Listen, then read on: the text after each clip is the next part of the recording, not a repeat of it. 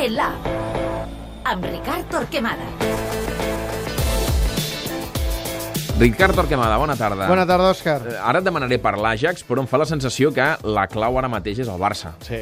I Luis Enrique, més, més ben dit, no? Mm. -hmm. I l'embolic que sembla que hi ha al voltant de l'equip. No sé si també al cap de Luis Enrique. No, jo crec que no. Jo crec que al cap, al cap de Luis Enrique les coses estan molt clares eh, i no les canviarà. Eh, no negocia les seves conviccions, tot i que públicament el seu discurs ha pogut generar desconcert. A mi me'l va generar clarament el dia del Celta, però han passat els dies, he reflexionat i tinc la sensació que ens hem de quedar amb el que veiem al camp i no amb el que sentim a la sala de premsa. Tot i que avui, a la sala de premsa, insistent molt que seguirem fidels a l'estil, Mm. és l'estil que jo he mamat, el que conec, en el qual he crescut Sí. com a entrenador i com a, com a jugador. Mm, Això és convicció seva? Algú li ha dit, surt la roda de premsa i talla de socarrel aquest debat sobre si ets fidel o no a l'estil i si estàs evolucionant cap al Madrid, amb la pregunta que li feia Sí. la Marta? No, jo, jo crec que a, això, en el fons, no és una mentira, mentida. A, a, o sigui, mm, eh, Luis Enrique no vol fugir del que ha fet sempre el Barça. El que vol és matisar-ho. Eh, a mi em va desconcertar més el tema del control, perquè hi ha partits en què la sensació és que al Barça li va el desafiament que li planteja el Celta, però també és veritat que el Bernabéu surt a controlar el partit i ho demostra amb l'alineació. És a dir, jo crec que el que vol és matisar-ho i que en segons quins escenaris i en segons quins partits doncs acceptar un desafiament d'un equip més intens, cosa que el Barça abans no estava preparat perquè no tenia jugadors d'aquest perfil. Però Luis Enrique no vol fugir del, que, del, del model Barça eh, i això, és, això sí que és una veritat absoluta que ell s'esforça probablement ara en recordar-ho perquè el partit del Celta està molt present, la falta de control d'aquell dia, els dos interiors ver, vertigin, eh, vertigen. Eh, bé, que, el Barça també s'ho serreta, volen tenir eh, aquest punt de, de solidesa, però jo això no estic convençut. No, no, vaja, no tinc cap mena de dubte que el Barça vol continuar sent el Barça i que vol tenir la pilota i que vol manar i que vol jugar a camp rival. Això és segur. Una altra cosa és com ho fa. I el com ho fa, és veritat que Luis Enrique vol enriquir o evolucionar la idea, si més no és el que transmet. Per si algú no va escoltar la part final de la transmissió de l'altre dia contra el Celta, el Ricard no acaba d'entendre o troba que és contradictori eh, treure enmig del camp amb interiors com Rakitic i Rafinha i dir que es vol controlar el partit. Sobretot contra un rival contra, com el Celta. Si treus Rakitic i Rafinha és que vols Sí. anar al contra, a, a, a, a, l'intercanvi de cops. l'intercanvi de cops, la transició, sobretot contra un equip com el Celta. Contra l'Eibar pots controlar el partit amb Rakitic i, i, i, i Rafinha Rafinha. perquè el rival t'espera molt al darrere, no necessites jugadors de toc. Però contra un rival com el Celta, que probablement és l'únic equip a la Lliga que desafia d'aquesta manera tan vigorosa, que et ve a buscar tan amunt, amunt un contra un, aquí si tu busques dos interiors de més, més verticals, eh, més esmolats, eh, estàs acceptant eh, aqu- aquesta transició, que el partit I el que no entens és que després et digui no, volíem controlar el Que partit. ell Si volies controlar el partit no Correcte. treguis aquests que interiors, ell eh, va dir, m'hauria preferit que estigués més controlat. I ja no és qüestió dels interiors, és qüestió d'aquests interiors amb aquests tres davanters. I ja no és qüestió dels interiors i els davanters, sinó aquests interiors, aquests tres davanters i sense la sortida de Piqué. Eh, per mi és una evidència que aquell dia Luis Enrique, que jo crec que ho va fer bé perquè l'equip va ser millor que el Celta, va plantejar el partit així. I el desconcert va venir quan ell la va verbalitzar. premsa Però jo crec que ja he assumit que, que el que no vol eh, és donar eh, la possibilitat de dubtar sobre eh, cap a on camina ell, perquè estic segur que camina cap a on camina el Barça. El que passa és que de Barça hem vist el de Guardiola, però hem vist mm. el de Rijkaard també, Sí. per exemple. I potser està més a prop del de Rijkaard que no pas del de Guardiola, perquè ho enriqueix amb altres elements, no és tan pur com seria el Barça de Guardiola respecte al que Cruyff va instaurar. Algun dia trencarem la comparativa amb l'equip de Guardiola? Potser quan no hi siguin Xavi, Iniesta, Busquets, no? Però mentre hi Sí, siguin aquests jugadors, difícil. sempre hi ha aquesta sensació de que es pot jugar com llavors.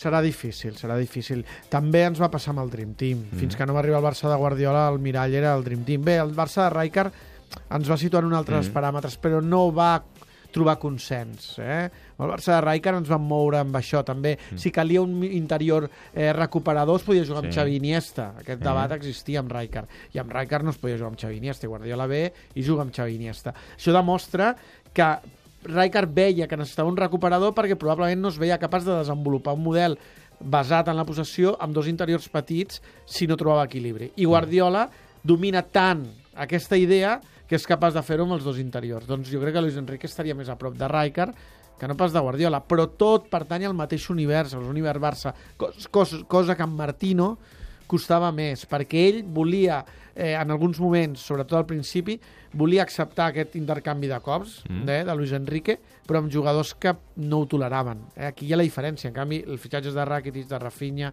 que pugi Sergi Roberto, que el Barça no vulgui cross, convida que puguis ja eh, passar aquesta fase. No? Mm. Molt bé, i en aquest context, amb més dubtes a l'entorn que no pas a l'interior de l'equip, pel que, pel que entenc de, de les teves reflexions, arriba l'Ajax. I un partit d'aquells, un altre cop perillós, perquè el Barça, per la derrota a París, fa que tots els partits de la Champions siguin perillosos, perquè una altra derrota et complica molt la vida. Per tant, ara no se va a la badar. I si a sobre vens de dos derrotes a la Lliga, mm, ja per... un tercer partit sense guanyar ja seria... Sí, sí. Hi ha, hi, ha part, eh, hi ha molts partits importants a una temporada, però a mi aquest em sembla especialment important el primer trimestre. O sigui, som a un punt d'inflexió claríssim. El Barça demà ha de guanyar, però és que a més ha de, ha de Convèncer. trencar aquesta dinàmica, eh, eh, distreure aquest debat, és a dir, consolidar la idea de que anem per aquest camí, eh, enfrontant-te a un equip que és el teu mirall. Eh, jo crec que és un partit clau. Fixa't que la temporada passada aquí, en la visita a Amsterdam i després la visita a Sant Mamés, es va trencar alguna cosa amb Martino. Mm. Eh, són coses del destí, si vols. Però ara venim amb la setmana per davant i el Barça està obligat. Per mi és un partit clau.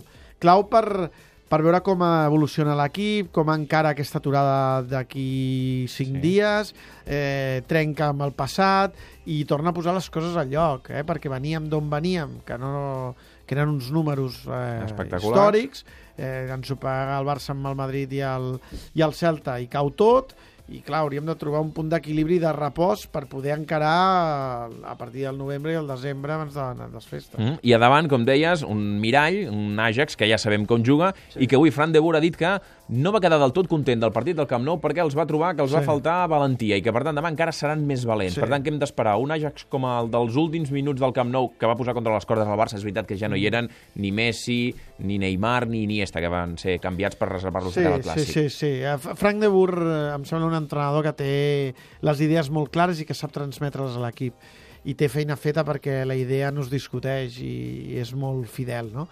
Mm, L'Ajax per mi és el de l'any passat a Amsterdam, l'arena. Jo m'imagino un equip com ens va, a mi em va enamorar la primera part de l'Ajax, encara que el Barça estigués amb una actitud uh mhm. -huh. eh, poc competitiva, l'Ajax va fer un extraordinari partit amb futbolistes d'unes de, de limitacions tècniques evidents, va passar per sobre del Barça i no és fàcil passar per sobre del Barça encara que el Barça no hi estigui i jo em veig, m'imagino un, un equip similar. Eh, eh, és normal que aquest equip sigui més valent a casa que fora, és un equip molt tendre i quan arribes al Camp Nou i t'enfrontes al Barça quedes intimidat. La temporada passada menys, aquesta temporada més però a banda que l'Ajax s'ha aixecat una mica després de l'ensopada del Camp Nou i ha fet millors partits i sembla que Frank de Boer ha començat a consolidar algunes idees com que Andersen juga al mig camp no juga al davant com que el Gazi comença a tenir més minuts que Kirchner al davant, a la, la posició d'extrema esquerra eh, torna Boilesen, torna Serero, jugadors que estaven lesionats. El partit de demà serà pesat i pelut. Mm. Eh, et demano per Fran de Boer. El veus preparat? Allò, avui li hem preguntat a Luis Enrique, però segur que serà un nom que el dia que s'hagi de buscar entrenador, no sé si serà l'any que ve o d'aquí molts, eh, apareixerà. El veus com per ser entrenador del Barça? El veig amb potencial per ser-ho, sí, sí. Avui hi havia una entrevista al País del Jordi Quixano sí. especialment il·lustradora, molt futbolera, molt, molt, molt, molt interessant. Molt, molt de tàctica. Molt bona entrevista, molt interessant, i on ell s'obria i on demostra que està en sintonia amb la idea del Barça i que eh, és un entrenador que marca diferència amb els petits detalls, eh, que no es conforma amb una visió superficial, sinó que és profund. I aquests entrenadors jo crec que al Barça li van perfectes, perquè per conèixer eh, l'estil del Barça que està tan desenvolupat has de, ser, has de tenir un punt de profunditat, si no el, la, diríem que la inèrcia t'atropella, eh, i els jugadors fa molts anys que juguen amb, amb, aquest, amb, aquesta, amb aquestes intencions. Falta veure també quin capacitat de lideratge té amb un vestidor que no sigui tan jove, uh mhm. -huh que, que ell està a cavall entre la formació i el rendiment, eh, la seva capacitat de lideratge... Doctorar-se en un gran. Sí, eh? perquè recordem que aquí quan va venir al Barça com a jugador li va passar, mm. ho tenia tot, però en canvi li va faltar aquell punt de d'ambició, de lideratge, de passió competitiva que la- l'aixequés, la, que l'elevés no? per sobre la seva qualitat tècnica. Aquest, aquest és l'únic dubte que tinc, però acaba de començar i té molt recorregut i crec que des del punt de vista futbolístic n'hi ha pocs que puguin quadrar amb el Barça i Fran de Boer quadra perfectament. Molt bé, doncs demà veurem la seva creació, el seu Ajax jugant contra el Barça en aquest moment clau de la temporada, aquest punt d'inflexió que vindria bé que fos una victòria del Barça perquè si no tindrem un parell de setmanes d'aquelles mogudetes mogudetes. Segur. Gràcies, Ricard, bona Tu, tarda. adéu.